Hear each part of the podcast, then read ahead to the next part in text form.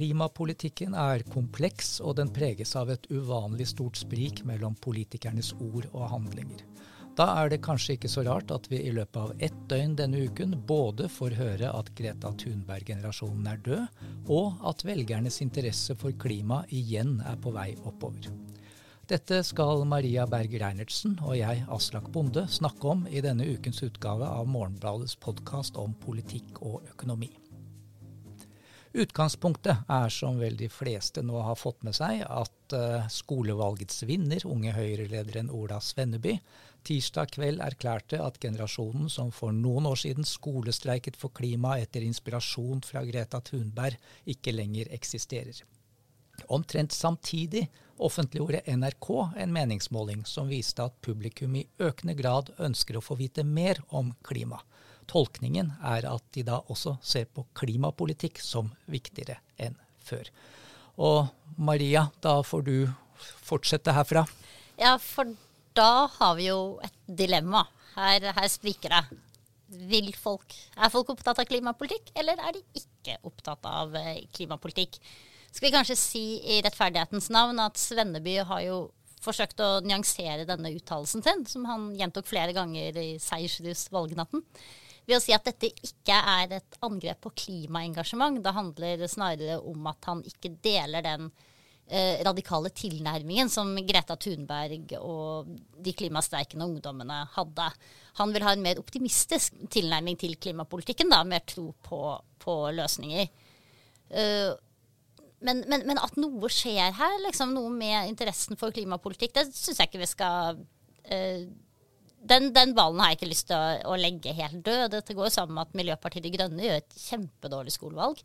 Ned over 7 prosentpoeng fra, for fire år siden.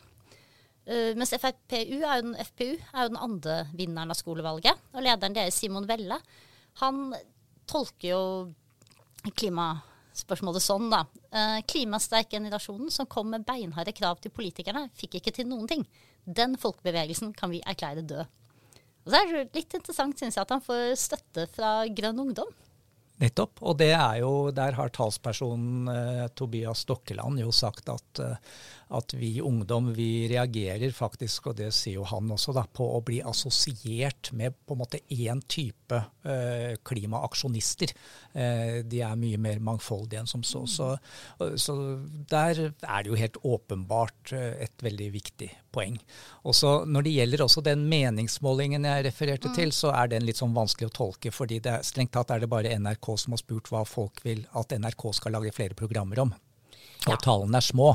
Men det er likevel ganske mange tegn nå på at, og det er veldig logisk, at vi har hatt ekstremvær både her og i andre land, eh, så er det ganske mange tegn på at det klimaengasjementet som falt noe voldsomt i løpet av eh, for to år siden, at det nå er på vei litt opp igjen blant eh, publikum. Ja, for det du kan se på den meningsmålingen til NRK, er jo at, at klima faktisk er det som har vokst gjennom sommeren. Det er det folk er mer interessert i å høre om nå enn de var i mai. Og, og, det hadde man kanskje ikke venta når man har hørt valgkampen hittil, som har handlet om lommeboka til uh, vanlige folk og lommeboka til uh, mannen til Anniken Huitfeldt. Og da er jo i grunnen Da er vi på en måte både med denne undersøkelsen og med det som har skjedd i skolevalget og tolkningen av det, så er vi egentlig ved at ja, kanskje både folk og ungdom er opptatt av klima, men det på en måte å å agere klimapolitisk, det er det kanskje ikke så mange som gjør. Og dette må vi forklare. Dette må vi forklare. Eh, og da syns jeg at en som sier det veldig fornuftig, det er Snorre Valen, I tidligere SV-politiker. Nå eh, debattjournalist i eh, Trønderdebatt. Redaktør, kanskje. Eh, han skriver at å kreve at ungdommen skal være legemiddelgjøringen av all aktivismen, all politikken og alt håpet en selv har mistet troen på, er sørgelig illustrerende for hvordan vi altfor ofte forholder oss til ungdom. Og det her tror jeg er skikkelig spot on mye av den irritasjonen som eh, både Svenneby og egentlig også Grønn Ungdom gir uttrykk for. Og så er det jo litt gøy da, at den som sa dette aller først, det var jo Greta Thunberg selv. Da hun sto i FN svært følelsesladet og sa at You all come to us young people for hope. How dare you? Ikke sant? Og dette her er jo Det er jo nettopp det at hun sa jo det på en måte for lenge siden. Mm. Og, og, det er jo det når du da hører på Miljøpartiet De Grønne, som nå plutselig er brakt inn i riksdekkende debatter pga. dette. Det, sånn sett har de jo fått litt mer oppmerksomhet enn de har fått tidligere i valgkampen. Så, så sier jo de nettopp De peker jo på eh, FN, de peker jo på verdenssituasjonen. De peker jo på at Greta Thunberg faktisk sier det samme som FNs generalsekretær. ikke sant? Og, og at, det er et, at, det er et, alvor i dette som ikke er seget innover den norske velgerbefolkningen. da. Mm -hmm. altså, hvorfor er det sånn? Vi snakket jo om Thomas Piketty, den franske økonomen, for et par uh, uker siden i den podkasten her. Og uh, der har du jo tenk, Jeg tenker vi har et sånt lignende paradoks begge de to stedene. At du har en en person. da. Uh, dette tilfellet Greta Thunberg, i til, det andre tilfellet den, denne franske økonomen Piketty, som da peker på en samfunnsutvikling. Økt uh, klimakrise, økende ulikhet. og så har du mange politikere som kjøper analysen deres. F.eks. som vi snakka om Jonas Gahr Støre, som knytta seg veldig tett til Thomas Piketty for ti år siden. Og så avviser de totalt løsningene deres som for radikale og virkelighetsfjerne. Og det egentlig uten å komme opp med et eget program, da. De som gjør jo det. Liksom de kommer jo opp med et eget program. Og det er jo det som er så interessant. Mm, fordi de, hvis du hører på Jonas Gahr Støre, så mm. kommer han jo til de grader opp med et program med elektrifisering av sokkelen, mer kraft, mer nett, mer enøk, og så skal vi klare å nå klimamålene i 2030. Men det er vanskelig å tro på ham, fordi de har hatt så veldig mye vakre ord tidligere som ikke er blitt fulgt av handlinger. Og det er dessuten veldig komplekse sammenhenger. Det syns jeg kom veldig tydelig fram da TV 2 hadde partilederdebatt onsdag kveld. Eh, da skulle de sette klima på dagsorden, mm. og det ble nesten bare om elektrifisering av sokkelen, og spesielt elektrifisering av dette gassanlegget til Equinor på Melkøya i Hammerfest. Og og jeg lurer på rett og slett hvor mange som klarer å følge med på alle aspektene av den diskusjonen. Og selv, selv blant ekspertene så er det jo uenighet om i hvilken grad det faktisk betyr noe for klimaet at man fanger CO2 der, fordi det er en del av et kvotesystem, og da kan det gjøre at det blir flere kvoter i Europa, og det kan bli mer utslipp der. Så, så det er så ekstremt komplekst.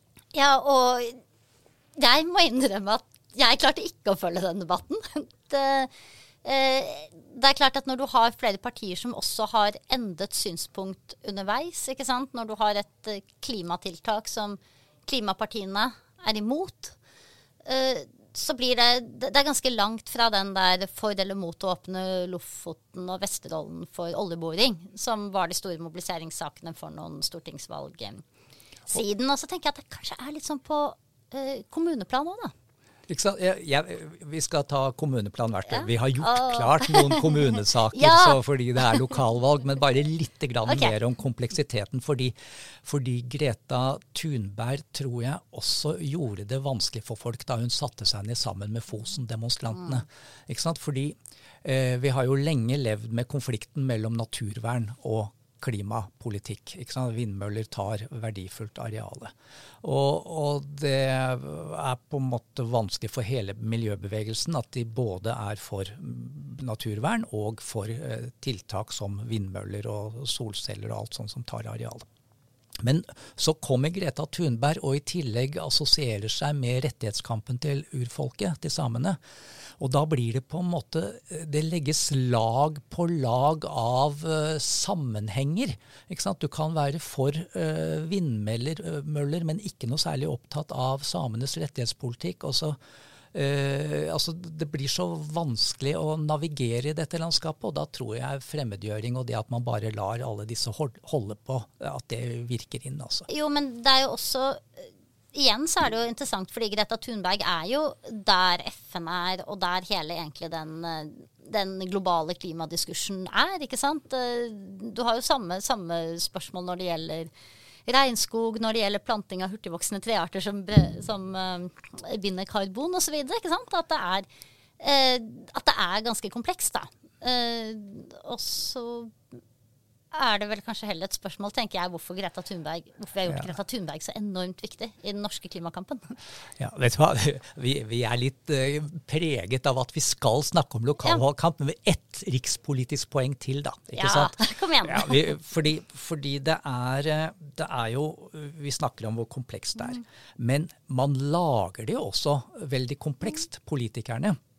Ikke sant? Fordi det er klart at det er mange tabuer i hele denne debatten. Det er jo ingen som snakker om den grunnleggende forutsetninger om at vi skal ha billig kraft til industrien i Norge. Og at vi skal ha kraftkrevende industri i Norge.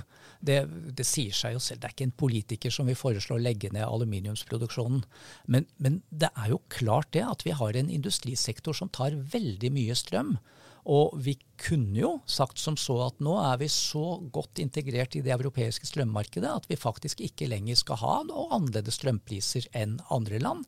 Og da ville vi på en måte hatt muligheter til å få til mer fornybart til å unngå eh, CO2-utslipp. Og det her bringer meg rett inn på min favorittlokale klimavalgkamp, som foregår i Sunnfjord og Høyanger. Det er de to kommunene som Altså Høyanger er jo den kommunen som huser et av Hydos fem aluminiumsverk i Norge.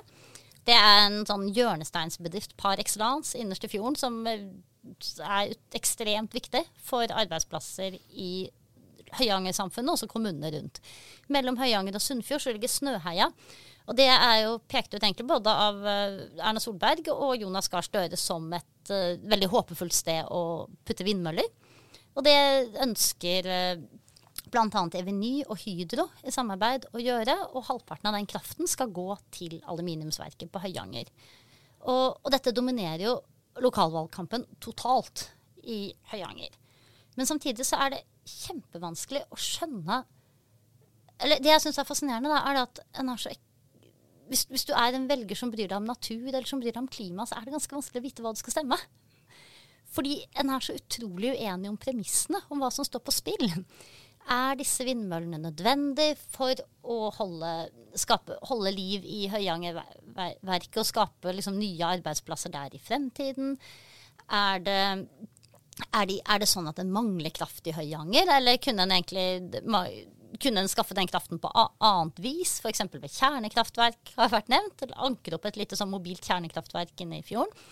Eh, eller er det rett og slett sånn at en skulle si nei til elektrifisering av sokkelen? Så en har en, en masse sånn helt sånn grunnleggende uenighet, da, som er, gjør at dette er veldig veldig langt fra et sånt spørsmål for eller mot oljeboring i Lofoten og, og Vesterålen f.eks. Og det viser seg også, fordi at uh, Firda uh, gjorde en, en spørreundersøkelse blant uh, lokalpolitikerne på i, i Sunnfjord, nabokommunen. Og da får du at innad i samme parti, ikke sant, så er det liste, folk høyt oppe på listen som er for vindmøller, helt mot Eller for å konsekvensutrede vindmøller, helt mot å konsekvensutrede vindmøller. Litt for, litt mot, ikke sant. Så stemmer du på et parti, så vet du egentlig ikke hva du får. Og hva skal en velger gjøre med klimaengasjementet sitt, da? Og, og det interessante er at det er ikke mulig på en måte å få til den diskursen som man snakker om sånn eh, i den brede offentligheten, hvor de beste argumentene skal vinne fram. For det er ikke noe beste argument. Det er på en måte bare avhengig av hvilke premisser man tror mest på. Og det er klart, dette gjør det jo veldig, veldig Da får man lyst til å trekke dyna over hodet. Men så lurer jeg på, har det kanskje litt med at eh, klimasakene er i ferd med å bli voksne? Ikke sant? Som eh, så, Eller kanskje bare jeg. det, eh, å snakke Nei, men Ja. det, det kan eh, godt være det. Altså Klimapolitikk både i stort og i lite kan kanskje være i ferd med å bli voksen. Altså Vi ser jo det at diskusjonen om fortsatt olje- og gassvirksomhet, nye leteområder, den presser seg frem. Eh, langsomt, men sikkert selv i Norge, hvor vi er så avhengig av olje- og gassinntekter, så ser du SV kjøre fram krav i hver eneste budsjettforhandling. Eh, vi snakker jo liksom om at eh, klimapartiene taper, men vi glemmer litt at Venstre er jo også et klimaparti. ikke sant? De, skal også stoppe ny leting etter olje og gass. Så, så det, det, kommer frem. Og i det mindre perspektivet så er det jo interessant å se på diskusjoner om sykkelveier, parkeringsplasser, bilfrie byer osv. Eh, det, det går jo sakte, men sikkert i en bestemt retning. Mm. Eh, og her har jo du personlig erfaring, Maria. Og ja da. Og det er vel også et eksempel på hvordan uh, disse i utgangspunktet ganske polariserende tingene da, etter hvert integreres i hverdagspolitikken og tappes litt for sånn mobiliserende potensial. For det er jo den eneste gangen jeg har drevet sivil ulydighet. Det var i Trondheim på slutten av 1990-tallet. Da var det en, en, jente i klassen som sa liksom kom, bli med. Vi skal aksjonere for bilfri Midtby. Spille fotball i Prinsenkrysset. Og for dere som ikke har stått i kø gjennom eh, Trondheim, så er Prinsenkrysset det er liksom hovedgjennomfartsåren for biler fra fra liksom binder, binder, de ulike liksom, boligområdene rundt Trondheim sammen. Uh, og der er det kø. Der er det kjempestor kø når uh, klokka fire. Da kom vi ut med banner en fotball, og så stengte vi av hele, hele krysset. Og så sto liksom Vi syntes det var en dødskul aksjon, da. Uh, men det så Men sånn sett i ettertid så er det jo vanskelig å tenke seg en mer polariserende måte å fremme saken om bilfritt sentrum i Trondheim på også. For det var vel aldri egentlig snakk om å stenge av akkurat dette krysset. Eh, og så tenkte jeg jeg må ta en liten sjekk nå, da, for med de, de andre redaksjonene faktisk som, som, er oppvokst i Trondheim. Hva, hva, er status i dag? ikke sant? For det, det merket jeg selv. Det hadde jeg liksom vanskelig for å, å, huske. Og det er ikke så rart. For det som har skjedd, er jo at Bilfri Midtby i Trondheim det har kommet sånn gatestump for gatestump. Torget er stengt av, en gate er stengt av her, en gate er stengt av der. Bybroen ble stengt av for biltrafikk i 2016 etter en forsøksperiode på tre år eller noe sånt.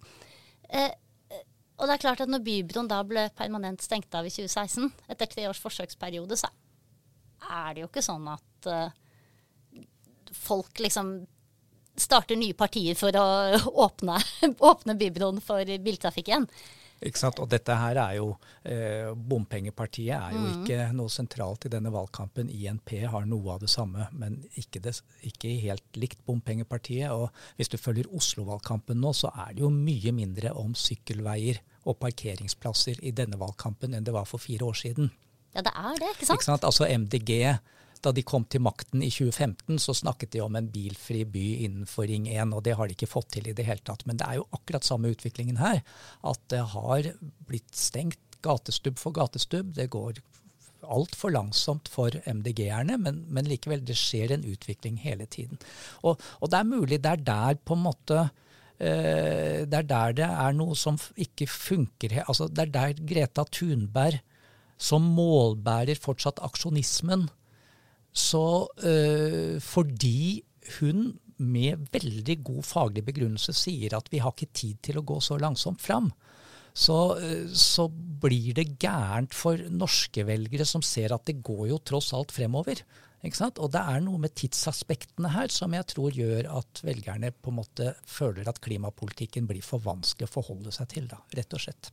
Kanskje også fordi det blir litt vanskelig å skjønne akkurat hvor, hvor fort eller sakte går det fremover, og, og, hvilken makt har du lokalt, eller hvilken makt har du ikke? ikke sant? Mye av klimapolitikken nå sånn lokalt har flyttet inn til diskusjoner om innkjøpskrav, krav til elektrifisering av anleggsplasser. ikke sant? Det er ganske sånn kjedelige ting, men det er også ting som, hvis man skulle gjøre det ganske fort, da, uh, sånn at en når klimamålene, sannsynligvis ville vært uh, ja, provoserende, tenker jeg. Og det er nettopp det. Og da Miljøpartiet De Grønne etter valg, eh, stortingsvalget for to år siden, hvor de jo faktisk gikk fram, men følte det som et stort tap fordi de ikke nådde sperregrensen, så hadde de jo en evalueringsrapport. Og der skrev de jo rett ut at vi skal ikke fremme upopulære saker. Eh, det sto direkte i, eh, i, denne valgrapporten. Så MDG er jo også i en skvis. Det er ikke bare på en måte altså Også i MDG er det folk som ikke støtter Greta Thunbergs utålmodighet og aksjonisme. Og, og, det må jeg jo også spørre deg om. ikke sant? Altså MDG har jo ikke noe snakk lenger om sånn endret livsførsel, mindre materialisme, uh, litt vi skal kjøpe mindre og mer gjenbruk. Men uh, nedvekst, som det heter, det snakket jo klima- og miljøbevegelsen om før. At vi skal leve på en annen måte. Det gjør de ikke lenger. Og da gjør de det jo også vanskelig for seg, fordi de godtar hele tankegangen om at vi skal fikse ting mens vi går. Ja, og nedvekst syns jeg er interessant, fordi det er noe som jeg har merket særlig sånn siste året. At hele tiden dukker opp i, utgangs, i utkanten som en sånn diskusjon i uh, litt alternative økonomkretser, da. Som jeg som økonom også selvfølgelig frekventerer. Uh, og der er det en ganske betent diskusjon. Uh, fordi det er lett for folk å være enige om at nei, vi, vi bør ha andre mål for politikken enn stadig vekst i bruttonasjonalprodukt. ikke sant? Men skal man ha et mål om å faktisk krympe bruttonasjonalprodukt, gir det mening? Går ikke det på tvers av andre mål vi har, som uh, omfordeling, løfte uh, de som tjener minst i dag? Gir det i det hele tatt mening å skille og se på økonomien så aggregert? ikke sant? Eller kan man tenke at man kan ha bærekraftig vekst? Uh, så dette er jo et, egentlig et sånt tema som aldri helt kommer ut av den teoretiske startgropen. Nei, men det er jo så interessant. Altså, hvorfor skal vi bry oss om økonomenes debatt? Altså, noen burde jo i offentligheten si at nå må vi begynne å leve helt annerledes. Vi står på randen av noe. Eller var dette veldig radikalt tenkt? Ja, det var kjemperadikalt, Aslak. så skjønner ikke at du ikke var sammen med meg i denne aksjonen på, i Prinsens gate. Men uh, det er vel egentlig akkurat det Greta Thunberg har uh, forsøkt, da. Og så uh, erklærer egentlig hennes like gamle, da, hennes generasjon, for det er jo hennes generasjon som har stemt til valget nå, de erklærer henne død. Under 4% til til MDG.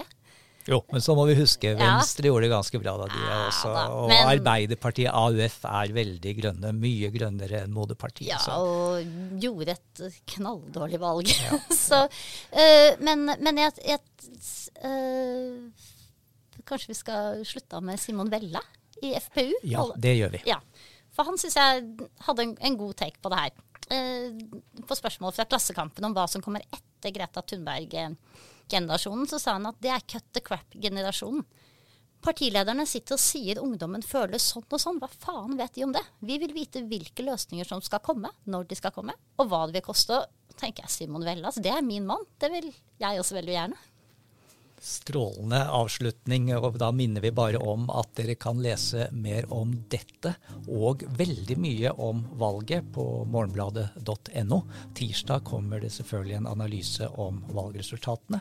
Så gjenstår det å si at Emma Rødle Johnsen har produsert sendingen, at Sunn Heidi Sebø er ansvarlig redaktør, og at vi høres igjen neste uke.